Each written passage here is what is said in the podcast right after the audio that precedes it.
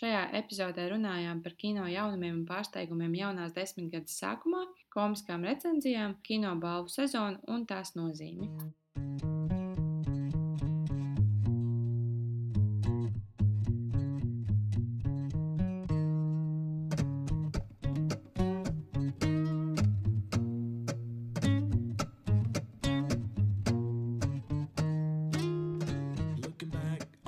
Sveiciens internetu raidījumam, mans draugs kino cilvēks klausītājiem. 2020. gadā nekas nav mainījies. Mēs ar vienu esam maigajās kinoteātras kino biztelpās, lai runātu par un ap kino. Un laimīgā kārtā arī šoreiz esam visi trīs - Agnese, Paula un Ieva. Gads ir iesācies ar patīkamu pārsteigumu. Platformā Netflix parādījusies Davida Linča īsfilma What Did Jack Do, ko viņš uh, nodeva skatītājiem savā dzimšanas dienā. Interesantā kārtā šī filma ir uzņemta graudainā, melnbaltā attēlā, atgādinot klasiskās filmas un paša Linča 77. gada debijas filmu Gumigalu. Uh, un uh, interesanti, ka šajā izfilmā Linčs spēlē detektīvu, kas pratina Džeku par slepkavības izmeklēšanu. Uh, tipiskā, tumsinātā, tādā bezlogu pratināšanas telpā. Un pavērsiens, Džeks ir uzvalkā tērpts mērkaķis. Un viņš vēl runā ar uh, Linča muti, kas, kas ir, uh, protams, tāds uh, kārtējais Linča seriālais gājiens bez, bez nekāda īsta pamatojuma droši vien. Tāds ļoti, ļoti random.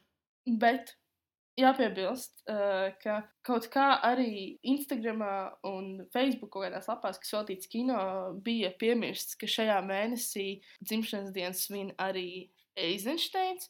Un shame on you, kino bizēm, jūs dzīvojat pretīgi. Tā kā Eizensteina tēva vienam no zināmākajiem arhitektūras piemēriem. Man liekas, ka problēma ir tajā, ka janvārī vienkārši ir dzimuši pārāk daudz kino režisoru. Ja mēs runājam par dzimšanas dienā, protams, ir jāpiemina tas, ka Federico Felīni svinēja savu simtgadi pagājušajā nedēļā.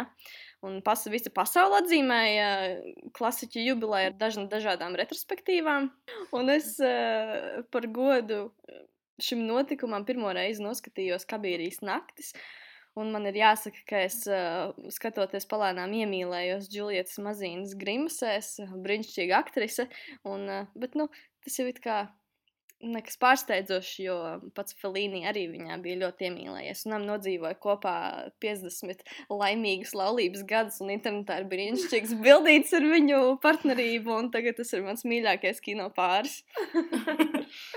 Es nezinu, kāpēc es esmu kļuvusi par Netflix vēstnieci, bet man ir vēl viena ziņa sakarā ar šo strāmošanas platformu, jo nesen parādījās ziņa, ka sākot ar februāri tajā parādīsies liela daļa studio Ghibli filmogrāfijas, kas, manuprāt, ir ļoti laba ziņa visiem režisoru Hayao Miyazaki faniem, jo beidzot varēsim sasmelties viņa maģiskās un aizkustinošās pasaules, cik vien jaudas.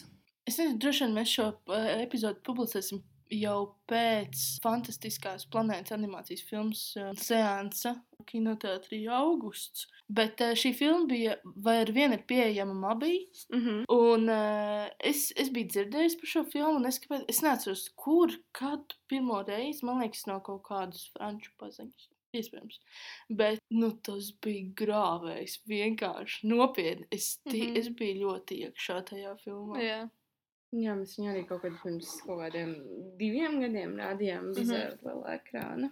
Bēn. Mm. Uz liela ekrāna spēļot, ka tā filma ir vēl, vēl tā kā iedarbīgāka. Jā. Bet attiecībā uz Netflix es domāju, ka es tuvākajā laikā neko neredzēšu. Tā kā paldies tev, Agnes.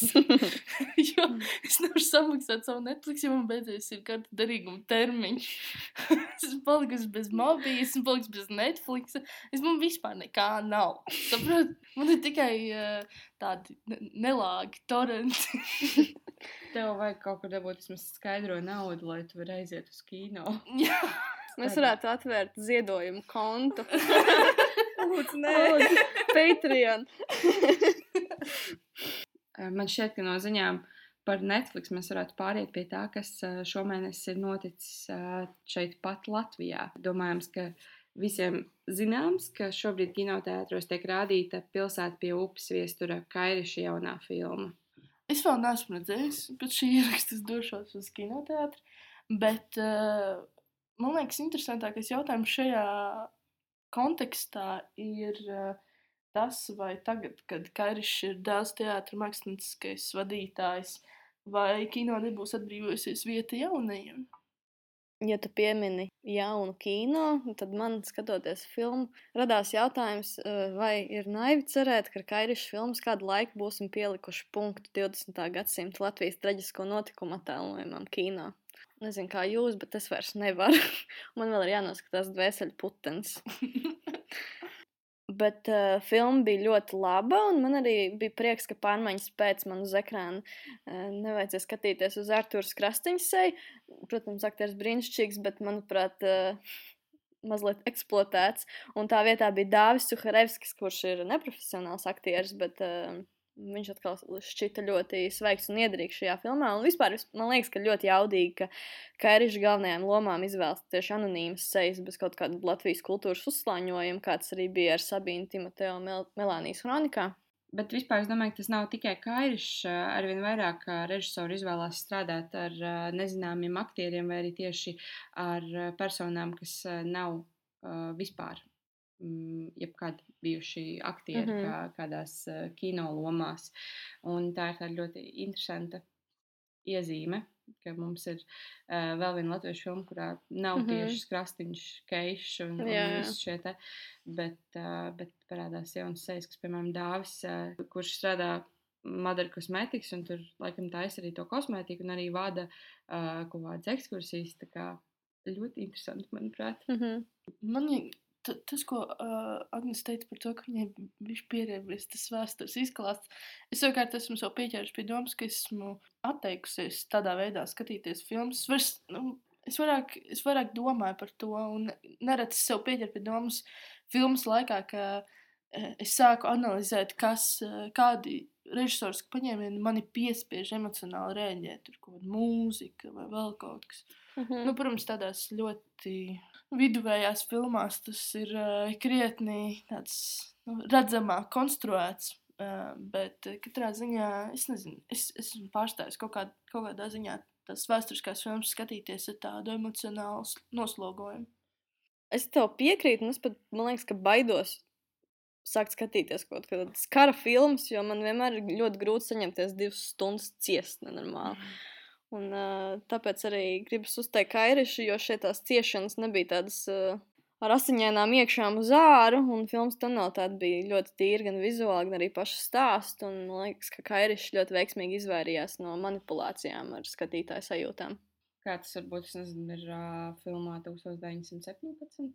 Jo nu, tur, protams, ka to klātbūtnes efektu un, un to pārdzīvojumu rada tas, ka filma ir veidota vienā kadrā. Mm -hmm. Bet tomēr nu, tur visu laiku tiek kāpināta mūzika vai kaut kas tāds ar tādiem, protams, diezgan holivudiskiem paņēmieniem, mm -hmm. manuprāt. Un, Un, un tas laik pieķer pie sevis pie domas, ka, ah, jā, nu, tā kā tu jūties tā kā mazliet saspringts, bet, ah, bet, nu, hei, nu, tā ir tā mūzika, kā, kā pišķēts lāpsti, un, un, un tā.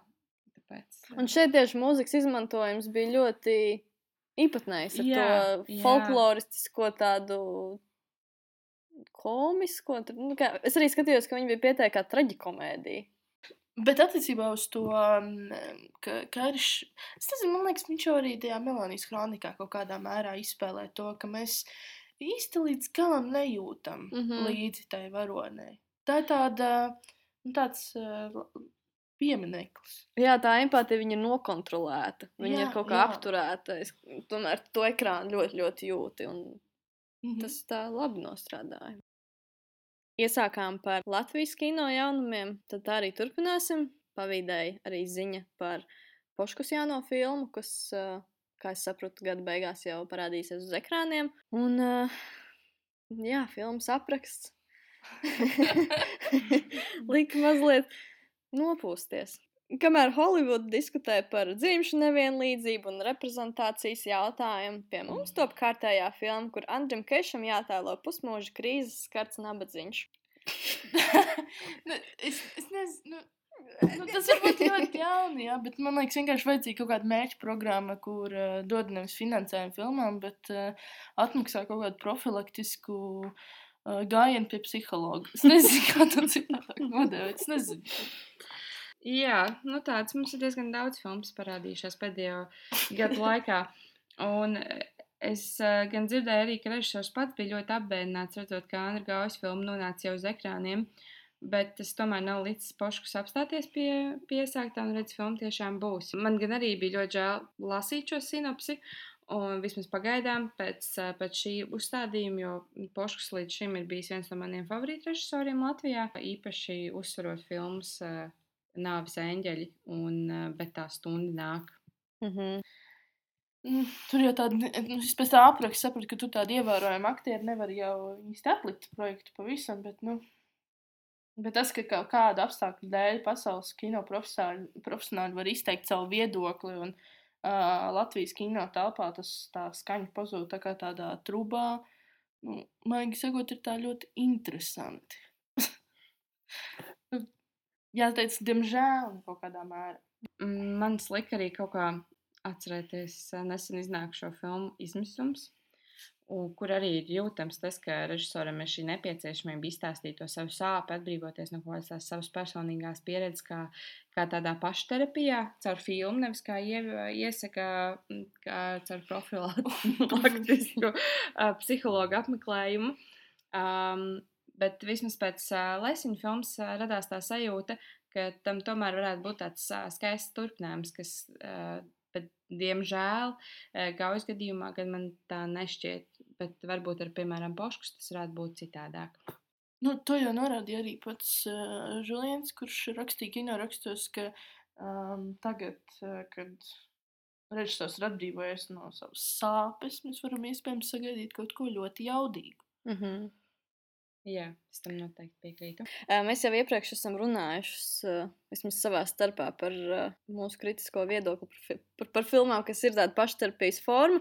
Un es par to domāju, un domāju, un sapratu, ka es esmu, sev, esmu atradusi vienu pozitīvu piemēru šajā filmu veidā. Un, tā ir Almas Harelas filma Honeyboy, kas man šķita brīnišķīgs darbs. Viena no manām mīļākajām pagājušā gada filmām. Es gan nezinu, kādā veidā to varētu ieraudzīt Latvijā, jebkad, jo man šķiet, ka viņi arī ārzemēs uh, īsti neizplata nekur, viņi, man liekas, Amazonā būs vai Mm.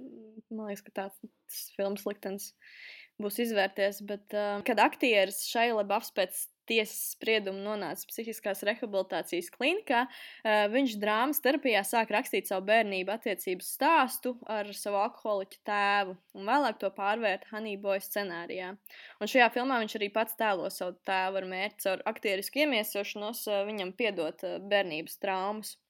Un varbūt šajā filmā ir atšķirība tajā, ka režijas lomu pārņēma Alma Harela un uh, viņas skatījums no malas uh, biogrāfisko stāstu padarīja rafinētu, varbūt ne tik jēlu personīgu un eirotisku. Un, uh, es nezinu, man arī grūti nepamanīt to, ka Harela ir punktiņš, punktiņš, punktiņš sieviete. un uh, Mm. varbūt tas, tas sie- sievišķis skatījums, kas arī caur operators uh, darbu izpaužas, jo aiz kameras stāv Nataša Brajere, um, ievieš kaut kādu svaigumu. Un, tas tas mans mazais nevainīgais mājiens uz to, kā mēs varētu atdzīvināt uh, kino telpu šajos platumgrādos. Bet, saprotiet, man liekas, šos divus piemērus var tikai daļēji skatīt kopā, jo, um, no acīm redzot, Honeyboy nav vairs tikai, o, es gribu, lai visi mani klausās un tā tālāk, bet tas ir tāds, es gribu tapt sadzirdēts. Mm -hmm. Un, un tur jau veidojas kaut kādi citi korelējoši elementi. Un, un iespējams arī šī filma, es domāju, Hannibal iegūst arī tādus performatīvus apmērus. Tas, tas sniedzās kaut kur ārpus ekrāna. Bet šeit, acīm redzot, nu, es nezinu, es nezinu kā jūs to, uh, uz, kā jūs uz to raugāties, bet man šķiet, ka šāda praksa patiesībā daļai norāda uz to, ka, nu, ka, ka tā kino mīlestība, tā banāli izsakoties, uh, nav tik spēcīga, lai šo mākslu nepārpludinātu ar savām neirozēm. Un, man liekas, tas jau ir runāts jau, jau entās reizes, vismaz pēdējo divu gadu laikā, man liekas, par to ir izteikušies vairāk kārt. Bet nu, tas neapstādina uh, to plūsmu. Es nezinu, man liekas, arī šis, šis viss tas, uh, tas uzstādījums, es tagad izstāstīšu savas sāpes, un uh, jūs tagad uz mani skatīsieties. Nu, tāds narcisist, Mm. narcistisks. Nu, es, es nezinu, es ļoti skeptiski uz to raugos. Vismaz Latvijas tādos kino platumgrādos tas ir tā mm. Pašmērķīgi. acīm redzot. Mm. Un, laikam, jāpiebilst, ka mēs jau nedomājam, ka nedrīkst stāstīt stāstus, kas Jā. ir personīgi. Bet uh, mēs arī pirmie savā starpā runājām, mēģinājām izdomāt kaut kādus piemērus, kur uh, filmas ir tapušas pēc pašu režisora biogrāfiskiem elementiem. Varbūt uh, tas ir jādara vienkārši briedumā. Tad, kad tu jau esi sev pierādījis, un tad tu vari. Nu jā, bet redz, um, man liekas, tos, tos variantus, kurus mēs saucām, tie vairs, nu, acīm redzot, tie vairs nav šie pašterapeitiskie. Jo tie Mm. ir tādi, kuros, acīm redzot, autors ir pats sapratis šo situāciju, viņš mm -hmm. ir to Mhm. analizējis, viņš ir nonācis pie secinājumiem. Un tagad, kad viņš ir sapratis to, kas tur ir svarīgs un kas vairs nav svarīgs, viņš Mhm. veido filmu. Viņš ir kaut kā, nu, attālinājies no tā, Nu, jā, no tā tieši tā. materiāla. Viņš nav tik kā pārņemts. Mm. -hmm. Tādam jābūt, jo tāds bija. Mm. Jā, nu tieši tā. Nu, tas, tas arī veido to pa pašmērķīgumu, ka tu izmanto mēdīju, lai tagad izstāstītu savu stāstu. Nu, es pieļauju, ka visi šie nu, grandi, kurus mēs varētu nosaukt attiecībā uz, uz šīm filmām, eh, viņi spēj to situāciju novērtēt no malas un vairs nebūt tas cietējs, bet teikt, hei, es to esmu sapratis, es esmu sev piedevis, ies- iespējams, es zinu, kā dzīvot tālāk, nevis tagad, es nezinu, kā es dzīvošu tālāk, bet es filmu uztaisīšu. Nu, nu, tas tā nav, tas tā nedarbojas. Un man liekas, tā, nu, jeb, tas pats Trifo, viņš jau arī savās filmās uh, izmanto kaut kādus biogrāfiskus elementus, bet tie nav tādi, nu, tādā tiešā veidā pārlikti uz ekrāna. Nu, māksla prasa kaut ko vēl. Mhm. Jā. Tas, tas nav tik vienkārši. Jā, piekrītu.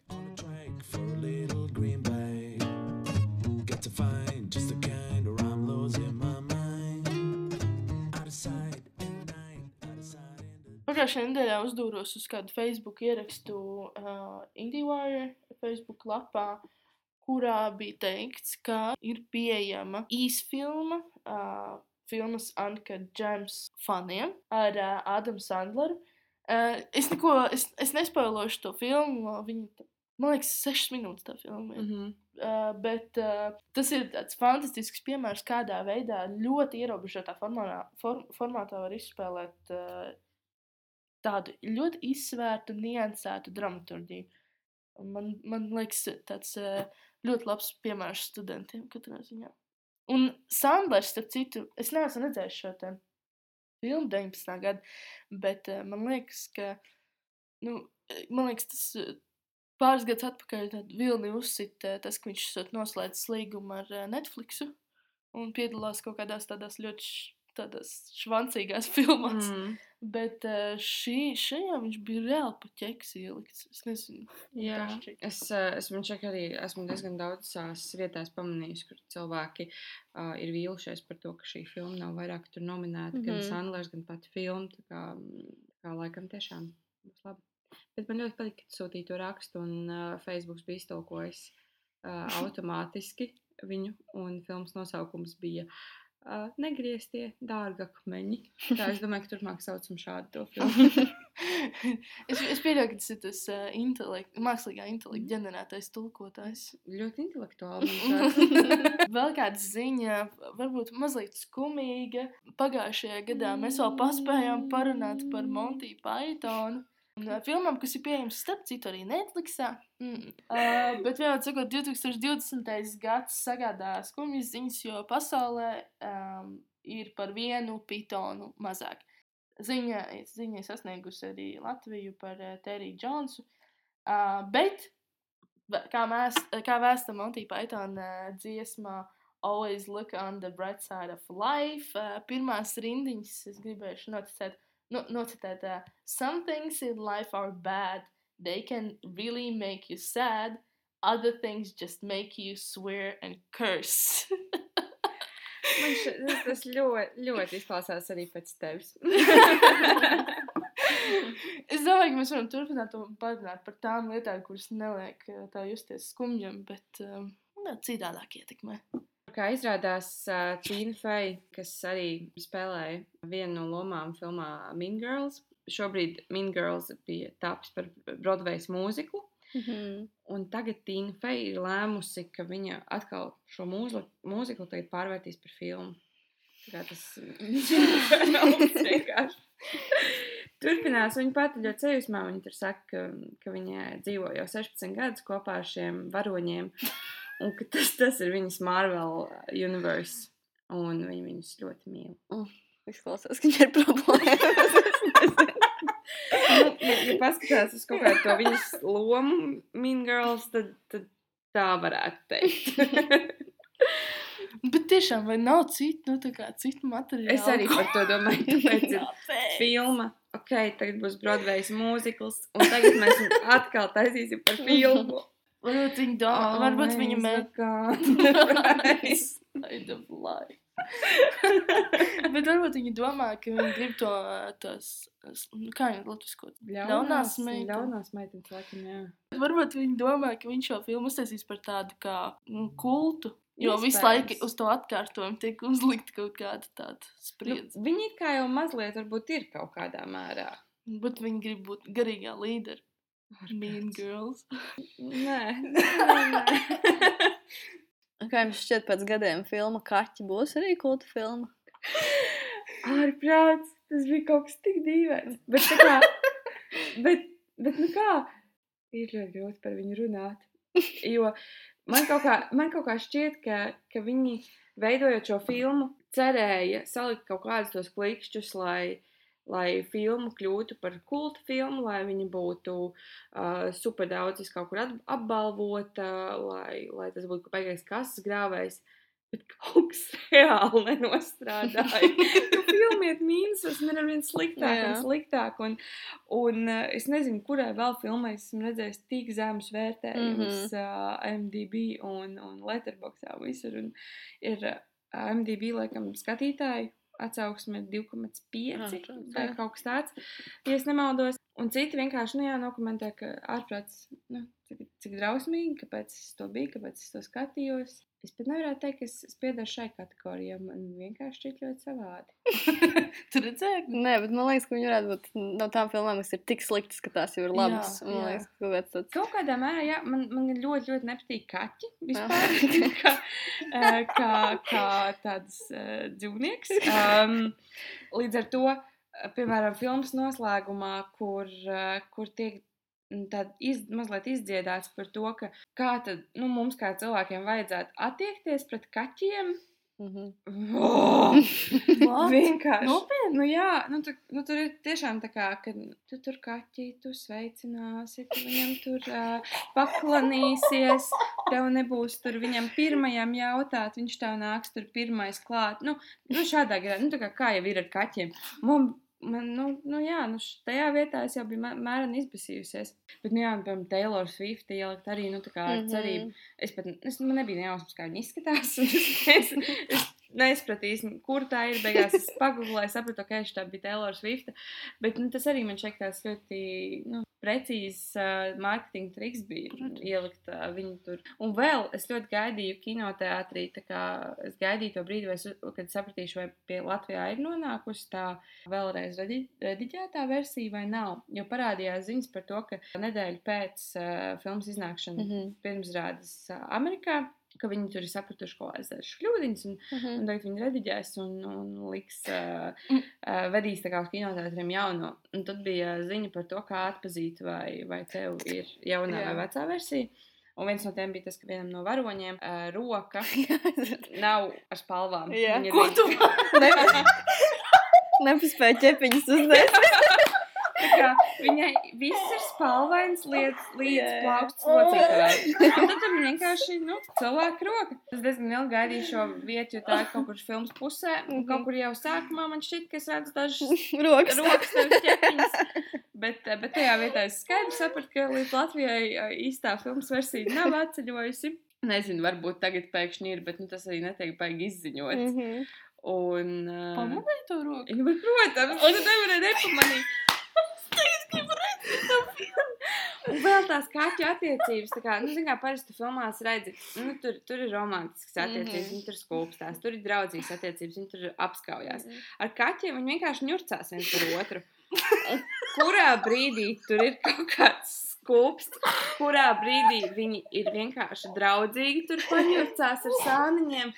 Es arī nesapratu. Nu, varbūt tas vienkārši kaķis nesaprot, bet, bet man kopumā, es domāju, ka viņi bija ļoti, nu, viņi bija cerējuši uz to, ka cilvēkiem ārkārtīgi patiks šī filma. Mm -hmm. Es nezinu, kāpēc, bet uh, tas jau bija ar La La Land. Uh, toreiz izskanēja, ka mūzikls ir viens no nepārstāvētākajiem, nu, tā kā nepopulārākajiem žanriem šobrīd. Un tad, es nezinu, es neesmu to filmu redzējis, bet tie plakāti. Tā kā man ir panisks bāls, piemēram, no meikūniem, tiem kaķu, to šķirni, kur viņi tādi milzīgi kaķi. O, oh, tie gan ir interesanti. Bet tāda cilvēka lieluma. Man vēl bail būt tu filmu, skat kaut šausmu filmu. Bet viņi, viņi izskatās, ka viņi ir cilvēku lielumā, ko es gaidīju, nu, ka viņi būs cilvēku lielumā. Nu, jau Mhm. kaķi, nu, vienkārši cilvēku lielumā, bet no spalvām. Bet nē, Tā Viņi nav. viņi ir samazināti. Tu redzi pilsētu, nu, tā Jā. kā bārs vai kas, Mhm. un viņi ir kaķi izmērā. Un tas ir vēl mazliet dīvaināk. Bet arī prusaki, Jā, arī peles. Filmā ir cilvēki. Bet tur Līdz nebija kaut kāda nekonsekvence, ka kaut kāda kukaiņa nebija palielināta. To es neievēroju. Okay. Ok. Es, es vienkārši ievēroju, ka, nu, jā, kaķi ir kaķi izmērā, Jā. un tie prusaki bija prusaki izmērā, bet joprojām tie ir dejojoši cilvēki. Uh, Kaķu izskatā. Nu, un Tas tik ļoti cringe. Nu, es nevaru izturēt šo. Es vienkārši ieraudzīju to plakātu, un tas, tas bija ļoti. Tas, tas ir ļoti, ļoti dīvaini filma. Un tur arī tā auditorija, man šķiet, kas ir to filmu ļoti, ļoti interesants. Mēs tajā sēncās, ko es biju. Bet tā, vispār runājot par, par mūzikliem, eh, nu, tas ir eh, man ļoti mīļš žanrs, un, un arī kā skatoties, eh, nu, kā, kā tu saki, viņš netiek veidots daudz, un kaut kur arī bija pieejama tāda statistika, tā kā Mhm. sazīmēts līknes, kā cik daudz pēdējo, nu, cik kopš kino pašiem pirmsākumiem ir eh, radīti tur trilleri, šausmu filmas, drāmas, melodramas kaut kas. Un tad uh, mūzikliem ir tiešām ļoti eh, kā skaidri ievērojama tā lejupslīde tai līknē. Mhm. Un uh, man kaut kādā savā, savā ziņā ļoti žēl par to. Nu, vienīgais, ja, ja tie mūzika, kas taps, ir tādi kā kaķi, tad tāds arī varētu palikt. Bet, bet, uh, bet citādāk, jā, mm, mm, man šeit ir arī daudz labu mūziku. Un tāds var taisīt vēl vienīgais, kas noteikti izdevumi tāda, tāda Protams, veidošanai daudz lielāki. Nezinu, man liekas, tas pats. Es kaut kad nesen noskatījos Latvijas Man Mhm. liekas, tas ir labs piemērs. Es, ne, es neteiktu, ka tas būtu kaut kas ļoti izcils, bet uh, nu, tādā ziņā interesanti, kā viņi izvēlējās tādas atsauces uz Mhm. kino un, protams, eh, to, to žanru izspēlē, kā nu, ne tikai tajā žanra, kā žanra Mhm. pamatu, bet arī tajā vēsturiskajā mhm, kontekstā. mhm, mhm. Tā kā man liekas, tas bija labs piemērs. un Es Jā. nebrīnos, kāpēc, kāpēc apbalvoju to filmu, bet uh, nu, šis ir vienkārši par to roku. Tas bija labs. Bet, eh, nu jā, Lalēna man arī ļoti patīk operātora darbs, un, un tagad īpaši kaut kur internetā vēl joprojām parādās tie video, kā viņi, piemēram, Mhm. taisīja tās straujās Mhm, pārmaiņas mhm. no viena tēla uz otru. Tas ir ļoti aizraujoši un skaisti.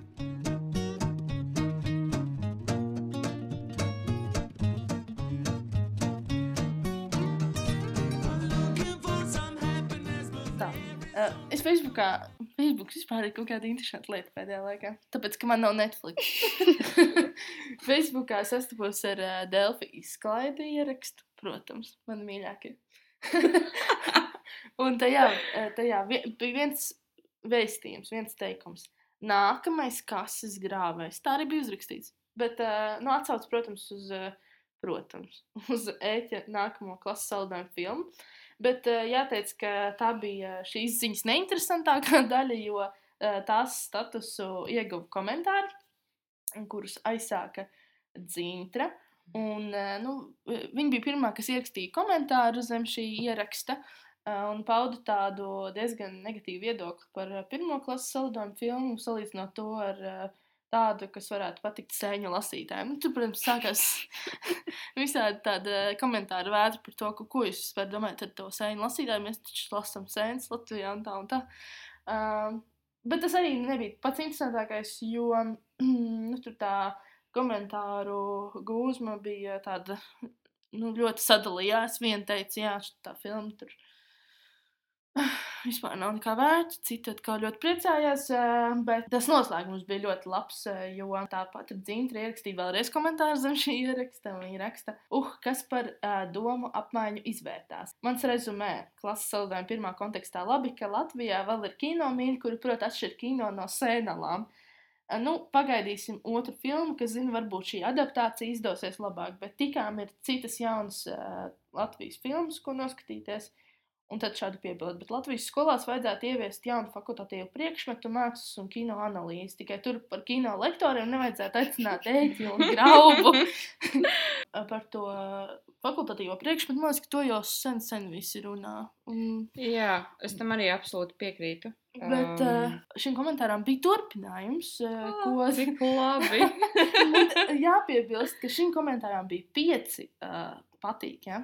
Bet nākamais komentārs, kas bija atbilde, bija Andrejs Eits, un tur ir tikai viens. Nekādā gadījumā citādi var izraisīties domu apmaiņa, un tas jau kļūtu nekontrolējami. Ha, ha, ha! Paldies, Andrej, par šo joku. Uz ko Zintrigam atbildēja. Bet reklāma jaunajai filmai labi sanāca, vai ne? Jūtos nopelnījis ielūgumus pirmizrādi. Tu ar, ar šo arī gribi panākt ielūgumu pirmizrādi. es ļoti ceru. Jo es arī, jo, jo laikam klases saldās bija pirmā filma, par kuru man tiešām, tiešām negribējās maksāt kinoteātrī. Un es sagaidīju brīdi, kad viņi ir šortkatā, uh, lai, lai izmēģinātu arī šortkatu. Un, uh, un es noskatījos pirms pāris nedēļām pirmo daļu, un man joprojām ir grūti to pārdzīvot. un, un tūlīt jau ir otrā. Es, es nezinu, es to spēšu. Saņemies, Pāvils. Būs vēl pirmsrādi jāiet. Nu, on. nu, Bet uh, tur bija vēl visādi interesanti tie komentāri. Jā, Es, jā. es tikai nu, tā teikt, izvilku pieklājīgāko. Jā, es arī lasīju. Tur, tur bija ar diezgan uh, spēcīgiem tādiem Jā, vārdiem. tāda bija ļoti, ļoti izteiksmīga. Tad... Tur, tur bija viedoklis tomēr. Nu, jā. uh, es, es arī esmu uzdevusies vēl pāris interesantām uh, ziņām uh, Facebookā un, uh, un redzēju tādu video. Kur tiek meklēti divi draugi, kas varētu uz vientuļas salas īrijā vadīt mazu kafijas veikaliņu. Šis piedāvājums jau savā pašā būtībā izklausās ārkārtīgi savāds. un es nesaprotu, no kurienes tas tāds nāk, bet, uh, bet man ļoti patika kāds komentārs, uh, kur, uh, kurā bija lielisks ieteikums, lai kāds, kurš veids šo izvēli, doties uz to savu vadīto kafijas veikaliņu, lai no sākuma labāk noskatās filmu Bāka. Pum, pum, pum. Jā, šis bija labi. Un Tā mēs pavadām savas dienas internetā. Bet meitenes es atklāju savu jaunu mīļāko kino kritikas žanru. Tas ir Letterboxd recenzijas filmām, kuras vēl nav iznākušas. Piemēram, Avatar no 2 līdz 5 daļai. Jo es nezinu, cik oficiāli tas ir, bet uh, laikam Džeims Kamerons ir piekritis uzņemt vismaz vēl četras Avatara filmas starp 2021 un 2027 gadu. Kādā bija- veidā? Wow, tur taču vajag tik daudz naudas. Nu, jau ir uzņēmis galvu! jo tur nu, pirmā daļa, taču cik tur bija tie miljoni, Jā. un ārprātīgas summas. Bet, ok, Jā. atvaino turpini. Nu, lūk, kāds gudrnieks jau tās, protams, ir ievietojis Latvijā, un citi gudrnieki viņam ir eh, sekojuši un sarakstījuši šiem filmām recenzijas. Un es arī nolasīšu savu, savu mīļāko eh, raksta kāds. Avatars 1 līdz 4 bija normāli. Bet piektajā avatarā seriāls beidzot ieguva savas īstās aprises. Tas varbūt nav tik izcils kā Avatars 10, 2037. gadā, vai Avatars 37, 2038. gadā. Bet tas jau frančīzes agrīnajā stadijā pierādīja savu īsto spēku. Pat pirms Džeims Kamerons nomira un tika augšām celts kā tīra kino gaismas enerģijas forma sastāv avataru filmēšanas laikā. Brīnišķīgi. Kāds cits cilvēks tomēr ir mazliet uh, lakoniskāks, un viņš raksta, I'm confused. Un uh, vēl kāds lietotājs ar uh, lietotāju vārdu uhuhuhu. Saka, o, šis būs vislabākais.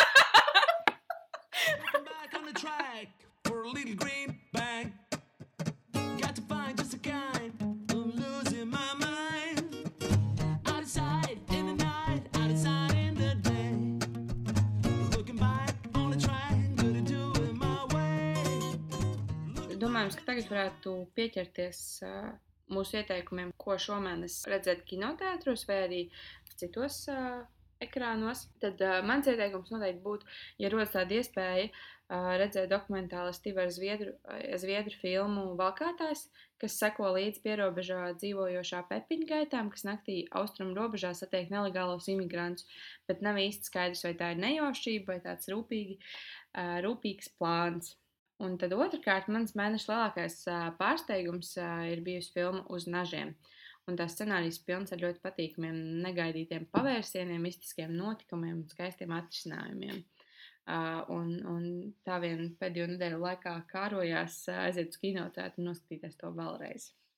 Es arī to filmu gribu redzēt. Es visu laiku atlieku. Es tiešām, es pat, Mm. man ir kaut kāda tāds, man bija ļoti liels aizdoms, ka šī filma varētu būt rītīgi, rītīgi laba.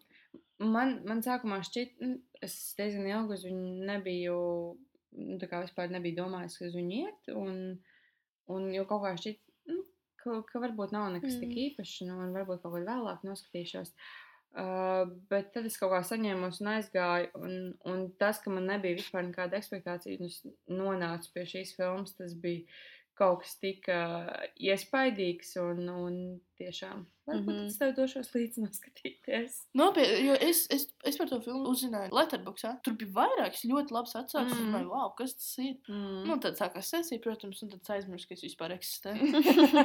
Bet attiecībā uz to aizmiršanu, nu, tā, tā kā esmu atpalikusi no Netflix, vienīgais, ko es paspēju noskatīties uh, Ziemassvētkos, bija uh, Jū sezona, mm Mhm. -hmm. otrā sezona. Un es īsti nevaru saprast, par ko visi tā kā baigi cepās par to, ka tā nu, nav tik forša un tā tā. Man liekas, otrā sezona vienkārši. Es nezinu, vai vēl labāk par pirmo. Man liekas, ka labāk.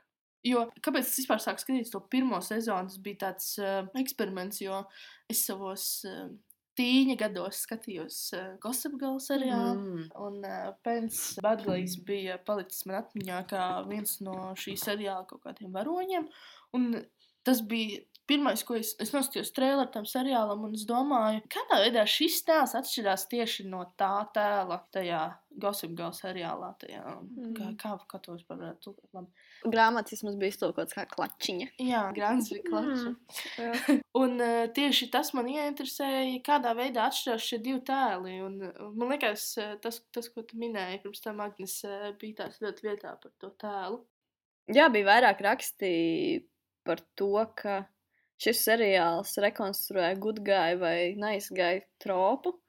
Man tas liekas diezgan interesanti, jo seriā- seriālam gūstot aizvien lielāku popularitāti, tam, protams, parādījušies ir virkne fanu sociālajos tīklos. Taču, kas satrauc gan seriāla veidotājus, gan pašu galvenās lomas atveidotāju uh, Penu Bagliju, tas, ka šie, šie pusauģi nav uztvēruši, ka viņš ir jāsver kā antivaronis un ka viņam nevajadzētu just līdzi. Jo viņš taču ir uh, slepkavniecisks uh, sociopāts, bet nu, viņi tāpat tās kaut kā ir pamanījušies šajā varonī iemīlēties un viņu glorificēt. Un uh, Pence Baglīs ir uh, to uztvērs kā tādu savu misiju, un viņš visiem šiem cilvēkiem ļoti mērķiecīgi atbild un saka, nē, nē.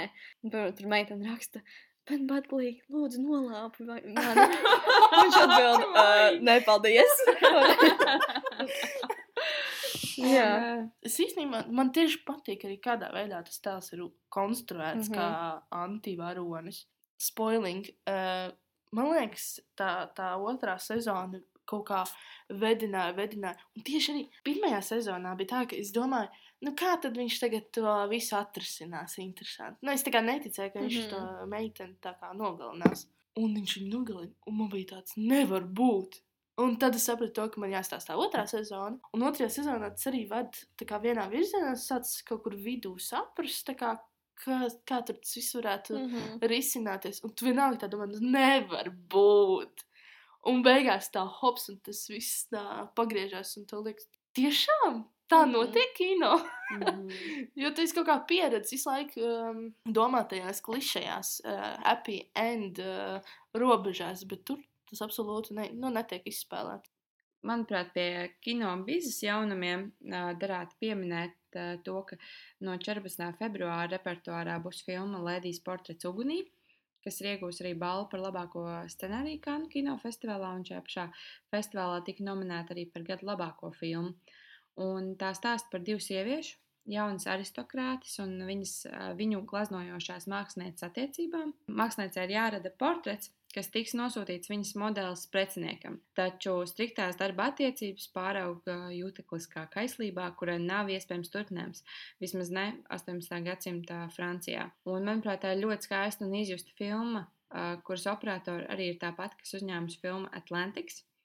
Un interesanti, ka abās šajās filmās bieži dominē piezemināta gaisma un ā, bangojošas ā, jūras ainas.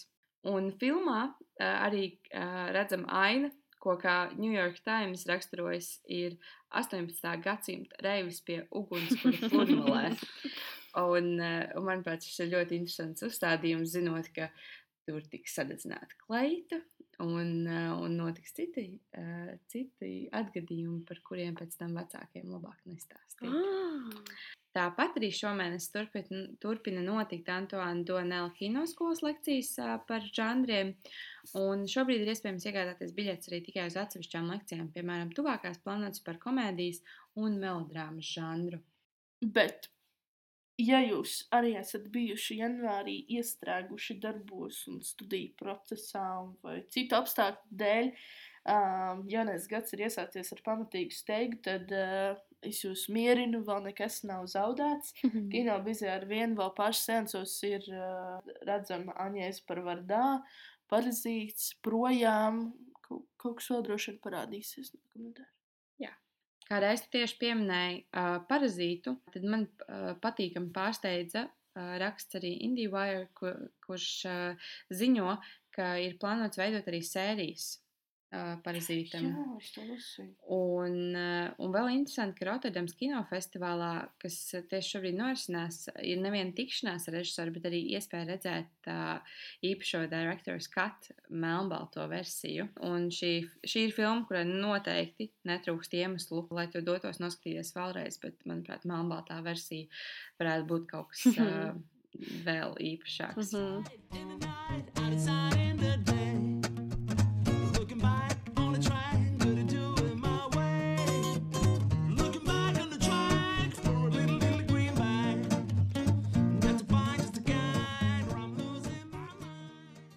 Šī epizode iznāk laikā, kas starptautiski zinām kā visblīvākais kino balvu pasniegšanas periods. Janvāra sākumā notiks Zelta globus, dienu vēlāk Britu kinoakadēmijas balva. Nu pat tika pasniegts arī ekrāna aktieru ģildes balva, bet lielais notikums vēl ir priekšā. 10. februārī gaidām Oskara ceremoniju. E, Mēdī par to vien runā, bet mūsu starpā, un ne tikai mūsu, turpat izskan arī jautājums, kāda tam vispār ir nozīme. Un uh, mēs nolēmām, ka balvu sezona būs mūsu šī mēneša lielā podkāstu tēma. Jāteic, ka šis jautājums par uh, Oskaru nozīmi izskan ik pa laikam, kaut kur tā varbūt netik manāmi. Bet Es uzdūros kādam, uh, man liekas, 2004. gadā iznākušam, ne 5. Uh, iznākušam rakstam, uh, ko bija izrakstījis Tabita uh, Rudzāta. Un, uh, nu, viņa, viņa šo Oskara ceremoniju skatīja diezgan negatīvā gaismā. Un to, ko viņa norādīja, vienkārši, ka, acīm redzot, šī visa ceremonija savā ziņā saistīta ar ļoti lielu komerciju. Un ka tā ir tāda gozēšanās kameru priekšā, kas, nu, protams, it kā no vienas puses ietver šo aktieru darbu, bet un, un nu, paredz to tā tā statusa reprezentāciju un tā tālāk. Bet nu jā, ka tas uzsvars uz to, ka šis pasākums savā ziņā iezīmē to, ka filmas iegūst kaut kādu papildus, eh, nu, tādu reklāmu, nē, bet nu, tādu PR. Un tad jautājums par to, vai eh, nu, it kā šī Oskara ceremonija tiek uzturēta kā tradīcija, un tā, tiek, tā ir kaut kāda ļoti liela nozīme iedota. Um, ne tikai Amerikā, bet arī Eiropā. Un, uh, kaut kā visu laiku arī, ja parādās kāda filma, uz to atsaucās kā Oskara nominācija, Oskara tur uh, laureāte vai vēl kaut kas.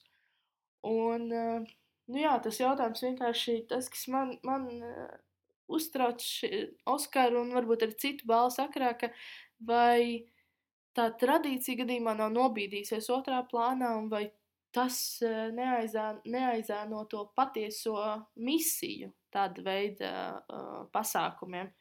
Uh, jo nu, nenoliedzami tur tas komercijas klātbūtne, pat ja tas nav saistīts piemēram ar filmu, bet piemēram ar to, ka aktieris jau nes kaut kādu vispārēju nozīmi, pirms viņš nezinu, no, nofilmējas kādā Calvin Klein reklāmā vai vēl kaut kur. Un tad tā viņa parādīšanās uz sarkanā paklāja iezīmē kaut kādu, nu, tādu, viņš kļūst par zīmi jau. Mhm. Un, uh, nu, jā, jautājums ne tikai, ka tas Oskars baro ne tikai kinematogrāfu to komerciālo pusi, bet arī vispārēju tādu nu, reklāmu un pār, tādu jau ne tikai pārpilnību, bet tādu pārņemtību. Vienmēr sakot, mēs nevaram no tā izvairīties. Un tad jautājums, vai tā tradīcija vispār darbojās tā savā tajā pirmotnējā uzdevumā, vai tomēr tas ir tāds aizsaks savā ziņā. Tu kā pirmotnējo to uzdevumu vai misiju, tu domā to pašu labāko filmu apbalvošanu, un izcelšanu? Nu, tā, tā tas ir domāts, jā, bet tad, no otras puses, man šķiet, nu, visi jau arī kaut kādā mērā to norakst uz to, ka, ka Oskari tas, uh, vai, vai šāds te balss ir tas, ka, ka tā visa ģilde, nu, tā teikt, mm. uh, savācās beidzot kopā un tā tālāk. Un es šodien braucu autobusā un domāju, un ja tās balss nepasniegtu, kas notiktu? Nu, kā, vai viņi savāktos visi kopā, vai kāds tur pateikt, ah, man tur filmēšanas nevar. Bet viņi jau, viņi jau joprojām viņi nesavācās nevienā brīdī kopā. Tā visa balsošana un tas viss notiek caur skrīneriem un uh, mājās sēžot.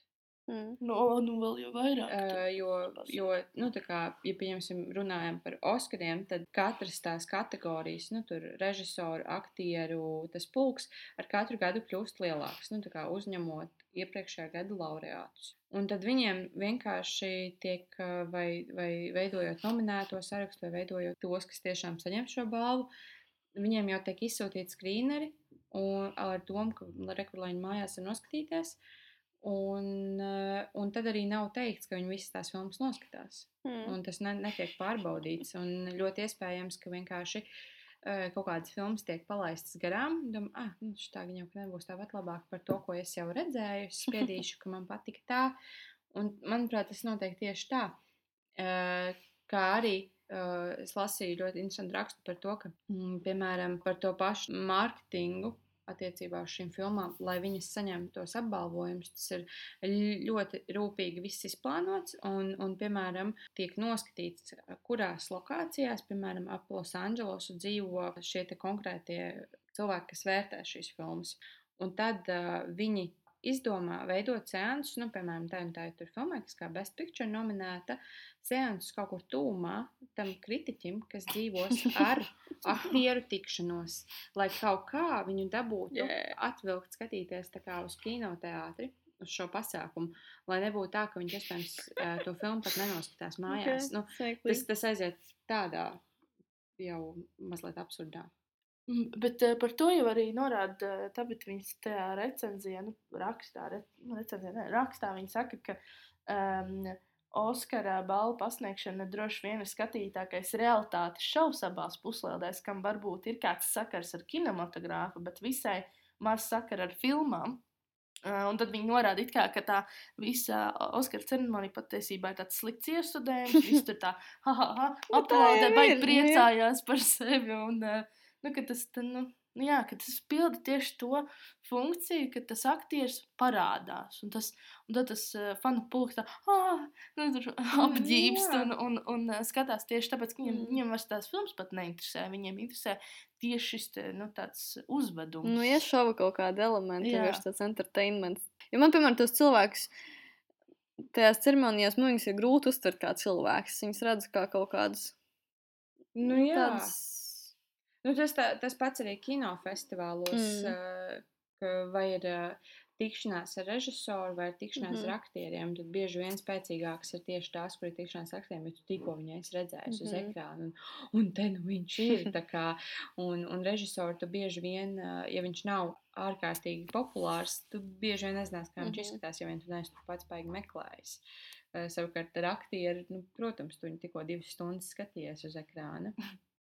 Bet festivālos, man liekas, tomēr bija šī citādāk. Tur vairāk tur redzi to ieguldīto darbu, arī visas komandas. Man liekas, viņi tā mērķtiecīgāk runā tieši par to, ko viņi izdarījuši, ko viņi tur gribējuši tajā filmā panākt. Un viss tas preses, kā tie saucās, tie, tie preses brīfingi, ka viņi tur visi sēž rindiņā, tad stāstīja. Nu, jā, bet joprojām, ja, ja runa par lielajiem kinofestivāliem, mm -hmm. tas Mhm. viss ir uh, kāds ir, ir izplānojis šo Nu jā, kampaņu, protams. kāds ir par to daudz samaksājis, lai viņš šeit atnāktu un pasādātu mm -hmm. un Mhm. pastāstītu, kā bijis. Tas nu, nekas nenotiek no tādas uh, labas sirds. Jā, nu, tā, tā teikt. Bet atkal no otras puses, man liekas, šāda situācija, kad tiek veidota, no, acīm redzot, man tā izpratne ir tāda, tiek veidota filma, un tad ir kaut kāda atsevišķa filmu veidotais tajā komandā. Ir cilvēki, kuri ir atbildīgi par šo reklāmu, par mārketingu, par PR, par visu šo, kas ir pēc filmas, bet tas jau tiek paredzēts vēl pirms filma nu, ir tapusi. Mm -hmm. Un acīm redzot, eh, nu, it kā no vienas puses nodrošināt to, ka būs kaut kādi komerciāli panākumi, bet man nepamet tāda sajūta, ka mm, zināmā mērā jau ir vairāk saistīta nevis ar to, ka mēs tagad uztaisīsim filmu, bet ar kaut kādiem nenormālākiem naudas līdzekļiem. Un, eh, un aprēķiniem, ļoti jā, jā, lieliem ļoti aprēķiniem. lieliem aprēķiniem tieši tā. Un, uh, es nezinu, es domāju, ka tad, kad Tarantino pirms tam taisīja savus pirmās filmas, viņš, tā kā, tas, tas nebija ne tuvu tam, uh, kas ir. Nu, Protams, Tā- jo, nu, kā viņš pats tur izteicās, ka viņš gāja skatīties uh, savu pirmo filmu laiku kinotētrā. Viņam šķiet, ka tā būs pēdējā iespēja, ka viņam, viņam viņa filma vispār tiks rādīta kaut kur. Mhm. Bet uh, es domāju, ka šajā gadījumā mēs vienkārši ļoti skatāmies tieši uz, uh, piemēram, Holivudā veidotajām filmām. Nu, tā situācija Eiropā um, vai, vai Āzijā, nu, viņa ir pavisam citādāka. Jā, protams, un pirms mums Latvijā tas pats lielais Kristaps tie jau, es nezinu, nu, ir forši saņem droši vien balvas, kas ir tā kā, nu, Mhm. nu tā tiešām forša sajūta, ka tu tiec novērtēts, bet, nu, man liekas, tas lielais Kristaps kaut kādā mērā nedarbojas tāpat kā, piemēram, citas balvas, jo tieši tāpēc, ka tā kino vide ir tik šaura, un ka tas tiešām darbojās kā tāda atkal tikšanās visiem kopā vienā zālē, vienā vakarā, un uh, tās balvas jau tiek tā kā, lūk, tur, tā, tur tās balvas tiek aizvirsītas uh, otrā plānā, lai priekšā panāktu šis kaut kāds, nu, tāds tā ritualizētā tradīcija. Mm -hmm. Savukārt šeit eh, ar tiem Oskariem ir kaut kā, nu, mēs nevaram vairs nodalīt to komerciju no, no tradīcijas, un mēs varam izsekot šai, mm. -hmm. šai paradigmai, bet, uh, nu, nezinu, es, es vienkārši, nu, jā, tas varbūt ir sarežģīti to nodalīt, bet atkal, man liekas, arī par uh, to, ka ar visu to, ka tas ir tik ļoti komercializējies, tomēr tā, tā, tā iedarbība uz, uz parasto skatītāju pasaka, jā, tā filma ir nominēta, jā, tā ir filmai nu, tika, tā teikt, apbalvot. Ir ļoti kaut kāds spēcīgs, un šeit ir arī jautājums Mm. par to, uh, kāpēc, uh, kāpēc tur nav tie, tās sievietes režisors. Jo tas, acīm redzot, ir kaut kāds, uh, nu, ja, ja tur būtu, nu, protams, tūlīt sāks runāt tie pretī, kur teiks, jā, bet vai tad tas, vai tad balvas ir par sievietēm vai par vīriešiem, bet par labām un, un netik labām filmām? Jā, bet tajā pašā laikā man liekas, ja Holivuda nodrošina to, ka uh, ir šāda balva, un es neticu, ka filmas izvērš tiešām, uh, vai tās ir taisījis sieviete vai vīrietis. Nu, vienalga, tomēr jūt to, ka ir kaut kāds pārsvars, un tas ir tāds dominants. Dom, domi, dom, Nu, domi. sākot jau vispār ar to, ka pašā filmu veidošanā ir ļoti maz mm. Mm. sievietes. Jā. Nu, varbūt eh, pie, pie nezinu, izplatīšanas, mārketinga vai kaut, kaut kādām Kostīmiem, make-up. kostīms, make-ups. Tur, jā, tur, protams, vienmēr ir sievietes, bet, nu, piemēram, varbūt organizatoriskajos darbos vēl ir vairāk, bet kas ir tieši uz filmēšanas laukuma, tomēr sieviešu īpatsvars ir daudz mazāks. nu, tā kā režisors, operators. Man šķiet gan interesanti, ka mēs kaut kādā brīdī sākam salīdzināt Oskaru un Lielo Kristapu. uh, bet arī nu, savā ziņā uh, jauki, jo šīs balvas uh, vai nominācijas ir diezgan būtiski, nu, kā tu saki. Ka Viņas no, nu, kā, redzot, ka šī filma tika nominēta, tāds s- skatītājs, kas varbūt uh, tik ļoti ne, neorientējās tajā repertuārā, viņš ies, protams, uz to, kas ir nominēts, jo kāds jau viņu ir atzīmis vai apbalvota. Un tad uh, šis Oskars, Kannas, uh, Venecija un arī Lielais Kristaps Latvijā ir, ir ļoti būtisks. Tā, tā, tā zīmīta pie tās filmas, lai skatītājs nonāktu viņā. Man arī mēs salīdzinājām Lielo Kristapu, Oskaru. Mm, bet, ja mēs runājam par Eiropas Kino akadēmijas balvu, jums liekas, ka tai balvai ir lielāka vērtība nekā Oskaram. Tādā ziņā, ka tomēr Eiropā tā kvalitātes latiņa ir augstāka, vai tas ir tāds rīkots stereotipisks, mans tāds pirmais priekšstats, ka tur varbūt tā komercija ir Mm. mazāka un tomēr vairāk tiek tiešām vērtēts filmas pēc kvalitātes. Jā, um, mm, man Tas, pašai šķiet, jā, ka jā. jā. Nu, man šķiet, ka kaut kā, nu, tur, tur gan mēs runājam par atšķirīgām filmām. Mm, nu jā, protams. Uh, bet, uh, bet kaut kā nu, tāds, tāds lielāka ticamība tam Jā, visam var būt. Bet atkal man šķiet, ka varbūt tā balva nav tā, kas aizved skatītāju līdz kinoteātrim. Nu, parasti to skatītāji. Jā. Mm. Man gan negribās lietot šo terminu savā ziņā, bet, bet uh, jā, nu, jo varbūt Mhm. mums, kas te, no tās vidas, tad tas ir kaut kas lielāks nekā, nekā Mhm. kādam, kas kinoteātri ne, neapmeklē tik bieži. Nezinu, es tam nebūtu tik pārliecināta, jo man liekas, eh, tomēr Eiropas Kino akadēmijas balva kaut kādā mērā grib, lai viņus salīdzina ar Oskariem. Nu, Viņa jau tas aizsākums jau bija tāds, ka viņi gribēja radīt uh, kaut kādu Eiropas, jā. pretnostatījumu Mhm. tam Amerikas pārsvaram un vairāk popularizēt Eiropas ārkārtas kino. Bet uh, man liekas, arī Eiropā izvairīties no tādas komercijas attiecībā uz to, lai ievērotu šo notikumu tāpat kā Oskars ja, ievēro Eiropā.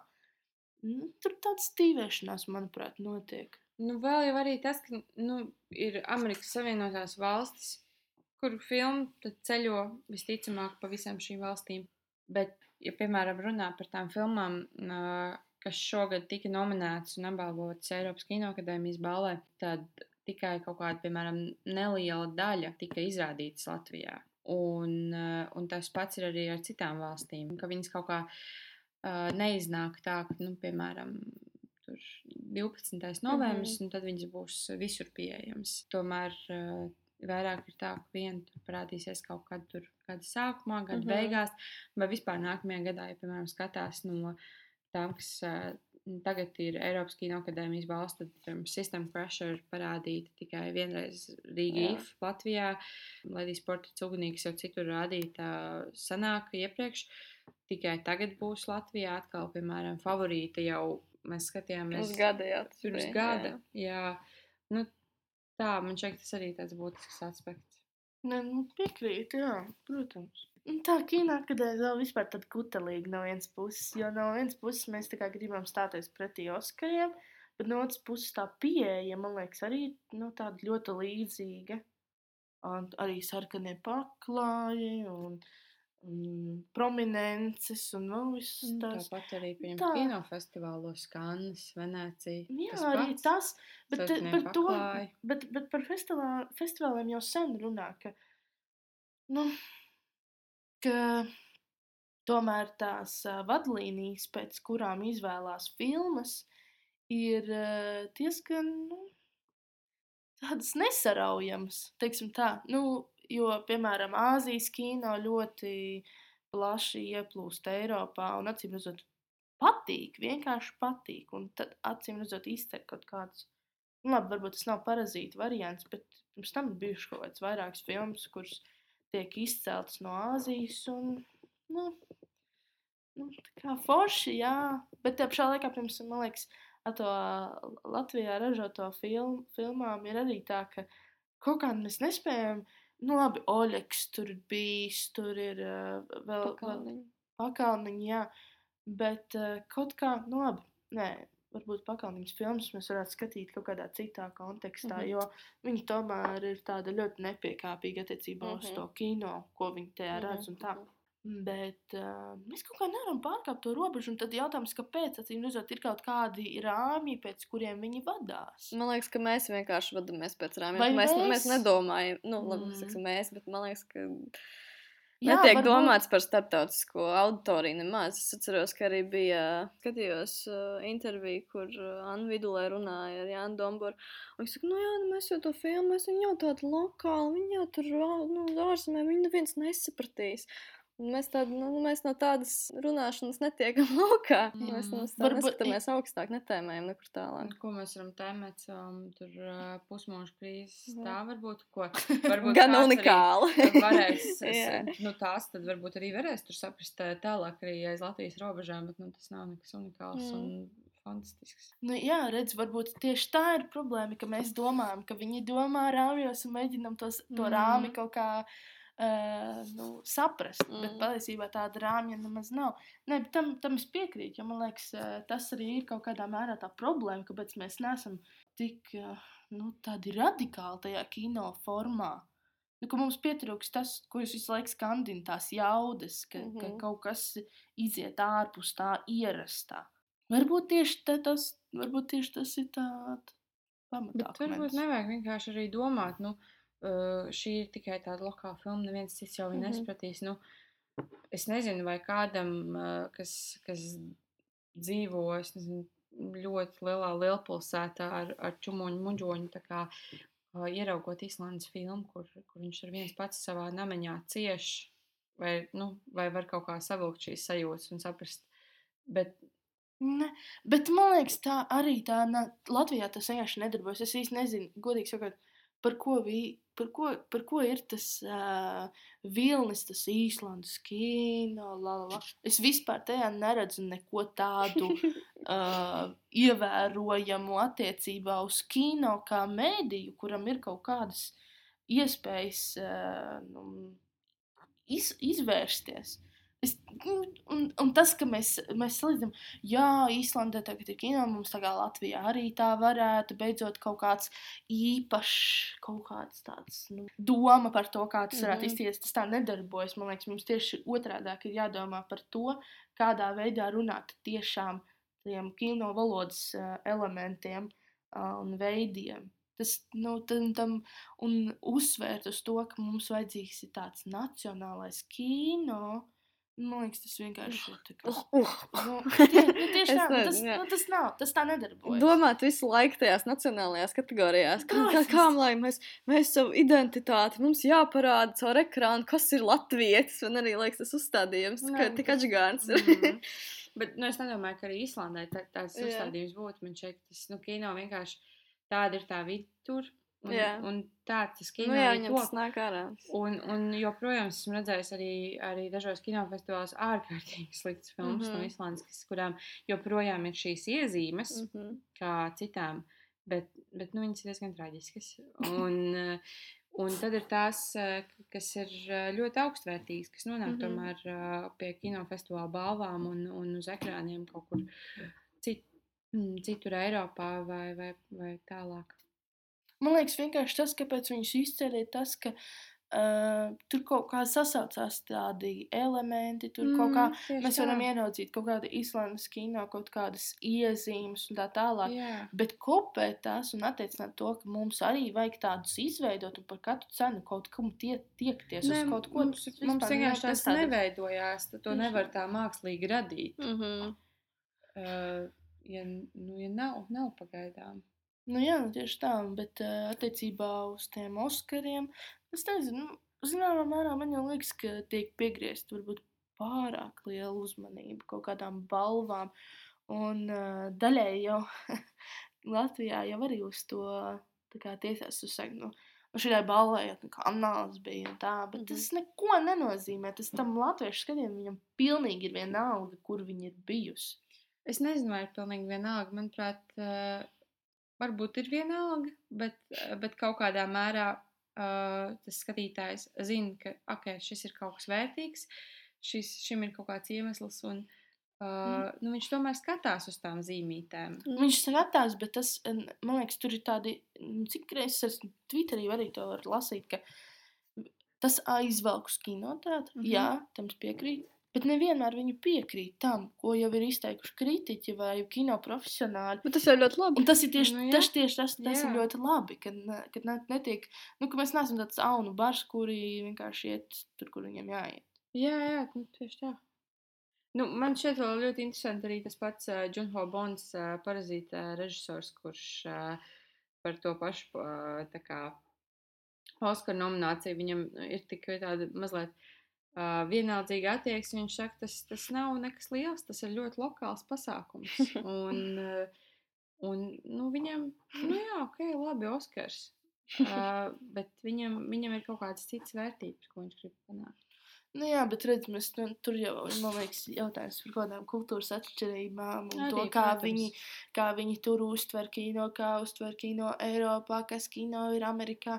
Tur tomēr iezīmēs kaut kādas, kaut kādi motīvi. Uh, un attiecībā uz viņu, man liekas, viņam tiešām pilnīgi vienalga, ko viņš tur vinnē, nevinnē. Viņš ir uztaisījis filmu. Uh, to atzīst arī cilvēki, kur acīm redzot, nav kino profesionāli. Un, man liekas, tas viņam šķiet daudz uh, svarīgāks nekā, nekā kaut kas uh, tā pati o, tie Oskara kino akadēmija. ja mēs pievēršamies iepriekš uzsāktajai tēmai par sieviešu um, proporciju kino, tad, tad ir jautājums arī daudzkārt izskan par to, kāpēc tik maz sievietes nominētas vai režisoru vai arī ak aktrišu vai, vai citās kategorijās, tāpat arī kā principā tiek nominēti tikai baltādēni cilvēki, no kur arī mums tur uh, pirms pāris gadiem radās tas hashtag Oscars so white. Mhm. Un tad uh, bija viens ļoti interesants BBC raksts, kas pētīja to, vai sievietei tiešām ir jāuztaisa filma par karu vai kaut ko sevišķi mm -hmm. maskulīnu, lai viņa vispār tiktu pie kādas Jā, tā kā nominācijas. Katrīna Bigelow vai kā viņa Jā. latviski viņu sauc. Jā, jo no vienas puses saka, ka nav jau jāizceļ sievietes vai vīrietis režisori, bet ir jāizceļ vienkārši labas filmas. Bet uh, tā statistika tomēr ir tik, tik nenormāli kliedzoša. Un tajos pašos Oskaros šogad ir. Nē, tajos pašos Oskaros jebkad ir bijusi tikai viena nominācija sievietei operatorei. Un uh, ir bijusi tikai viena uzvara labākās režijas kategorijā, un piecas nominācijas, jebkad, jebkad uh, Oskara vēsturē. Un arī tad izvilkt tādu. 92, man šķiet, tas ir Jā. 92 Oskari. Jā, LSM bija patiešām tāds mazs citādiņš, ka 87. reizi šajā kategorijā nominēta tikai vīriešu dzimuma režisori. Mm. Un uh, šajā, šajā pasākumā sieviešu vienkārši nav, vismaz tajās pozīcijās, kas nosaka filmas skatu punktu. Un, uh, es nezinu, vai to tā drīkst vienkārši normalizēt. Un, jā, nu, jā, nu, tā sanāca. Nu, tā vienkārši ir. Man liekas, par to ir Mm. jārunā. Un tas ir kaut kā jāmeklē tam risinājums. Jā. Jo tieši šogad ir um, saistībā ar šo tēmu vislielākā uzmanība vērsta filmai Mazās sievietes. Mm -hmm. Es arī to ievēroju. Man liekas, ka tā diezgan komiski, ka mēdī par sievieti režisori, kura būs tā vienlīdzības izkarotāja, ir izvēlējušies uh, Grētu Gervigu, jau, manuprāt, otro gadu pēc kārtas. Un tad viss prauslo, ka tieši viņa un tikai viņa netiek līdz nominācijām vai balvām. Es pat arī ļoti gribētu redzēt mazās sievietes, bet man personīgi Lady Bird atstāja diezgan uh, viduvēju iespēju. un Es arī īsti nesaprotu, par ko ir uh, visa tā sajūsma. Uh, es, es arī mazās sievietes skatīties tieši pēc šī ieraksta. Um, savukārt, jā, Lady Birds te varētu piekrist, ka man viņa arī atstāja ļoti viduvēju iespaidu. Mm -hmm. Uh, vēl interesants atrast tādu informāciju par Britu kinoakadēmijas balvu, mm, ka šogad tikai 19% no filmām, kas tika pieteiktas, uh, bija uh, sieviešu režisētas. Un tāpat arī uh, ir, ir statistika, kas rāda, ka, ka no 250 uh, Holivudas filmām, kurām ir vislielākie ieņēmumi, tikai 13 ir sieviešu režisētas. Tur arī tālāk bija, bija dažādi, izskanēja dažādi viedokļi par to, kāpēc ka patiesībā diezgan maz sievietes vispār piesaka savus filmus. Un, un kāpēc viņas nedod šīs filmas izskatīšanai? Ļoti iespējams, tas arī tas pats iepriekš uzsāktais naudas jautājums tām mm. -hmm. konkrētajām filmām. Jo arī šeit tiek minēts, ka nu, jā, tā balva tomēr ir tāda, tāds zīmogs, kas ir nepieciešams. Un, um, Un, un lai gan tā, tā uzvara kaut kādos filmu festivālos varētu mainīt visu to skatu uz, uz filmu, tomēr šī kampaņa uh, prasa ļoti lielu finansiālu ieguldījumu. Es, es vienkārši aizdomājos par to, vai jums arī nešķiet to, ka visās šajās uh, lielajās balvu pasniegšanas ceremonijās procentuāli tiek pasniegtas balvas par mūža ieguldījumu vairāk vīriešiem nekā sievietēm. Jūs atceraties pēdējo reizi, kādai būtu sievietei pies, pie, pie, piešķirta mūža ieguldījuma balva? Kur viņas visas pazūd? Viņas taču filmas bez sievietēm netop. Piemēram, šogad, kad visi dzirdēja, un kā Davidam Linčam piešķīra mūža ieguldījumu, bet līdzās bija vēl divi cilvēki. Bija Līna Vertmūlera, tāļu Mm. režisora un Bet pat ja viņai piešķīra, jūs tā kā. Nu, Tas, tas viss vienkārši... kaut kā tā kā tiek noklusēts. Tas ir, oh, jā, mēs iedodam līnčam, jā, apsveicam, aplausim. Mm. Un tā, kā tā, tā pārējais tā kā, tā, kā- tā kā tiek nogriezts, mm. nu, Mm. pišķīt skaļums. Es nezinu, arī tām pašām aktrisēm. Kaut kā viņas tur neparādās. Tieši no ak Aktrises, jā, kas, kas tur ka, katru gadu uh, bieži vien tur, tur piecās, septiņās lielās filmās. Piemēram, Un man tas liekas, ir mūža ieguldījums. jautājums- Katru gadu es tādā. nu, tieši tā, pirms jautājums, vai, piemēram, Merilai Strīpai ir. ā, Vajadzētu būt, ne? man liekas, ka nē, vēl nav. Vēl man nav, liekas, bet ka viņai- gaida, kad viņa vēl Jā, kaut ko jā, uzražos. jā, jā, jo, nu, jā, patiesībā viņai jau ir ļoti bieži nominēta mm -hmm. un Mhm. arī daudz no balvām saņēmusi. Ne? Jo, jo, Jā. jo tagad es tieši neatceros, vai tas bija tā ģildes balvā, kur, eh, kur Danīro dabūja apbalvojumu. Mm. Un Mm. tur bija fotografija, kur viņi abi bija nostājušies blakus. Tad, tad bija tāda galerija, jā, kur viņi ir pareizi. spēlējuši kopā lomas. Es domāju, kas tas par sviestu? Nu? Nu, tāpēc, Iedod- ka labi, ok, Danīro. ar jā. īru gaidīja, nu, tā, ok, labi, šāds tāds varbūt tāds jau noslēgums. Es, es nezinu, Un tad mēs tad- vēl no strīpas gaidām kaut ko, mm -hmm. kaut Mhm. kādu, uh, kaut ko līdzvērtīgu vīram. Nu, bet, nu, nē, nu, on. Man liekas, viņi ir nospēlējuši tik ļoti daudz lomas, vairs jau nav nozīmes kādas, jā.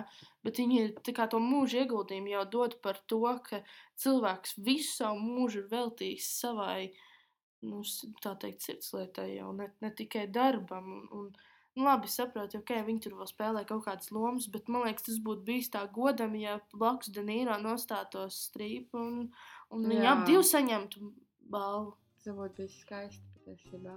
Protams. Paldies par klausīšanos! Sekojiet līdzi arī citām ziņām un jaunumiem no mums Facebook, Twitter un Letterboxd lapās.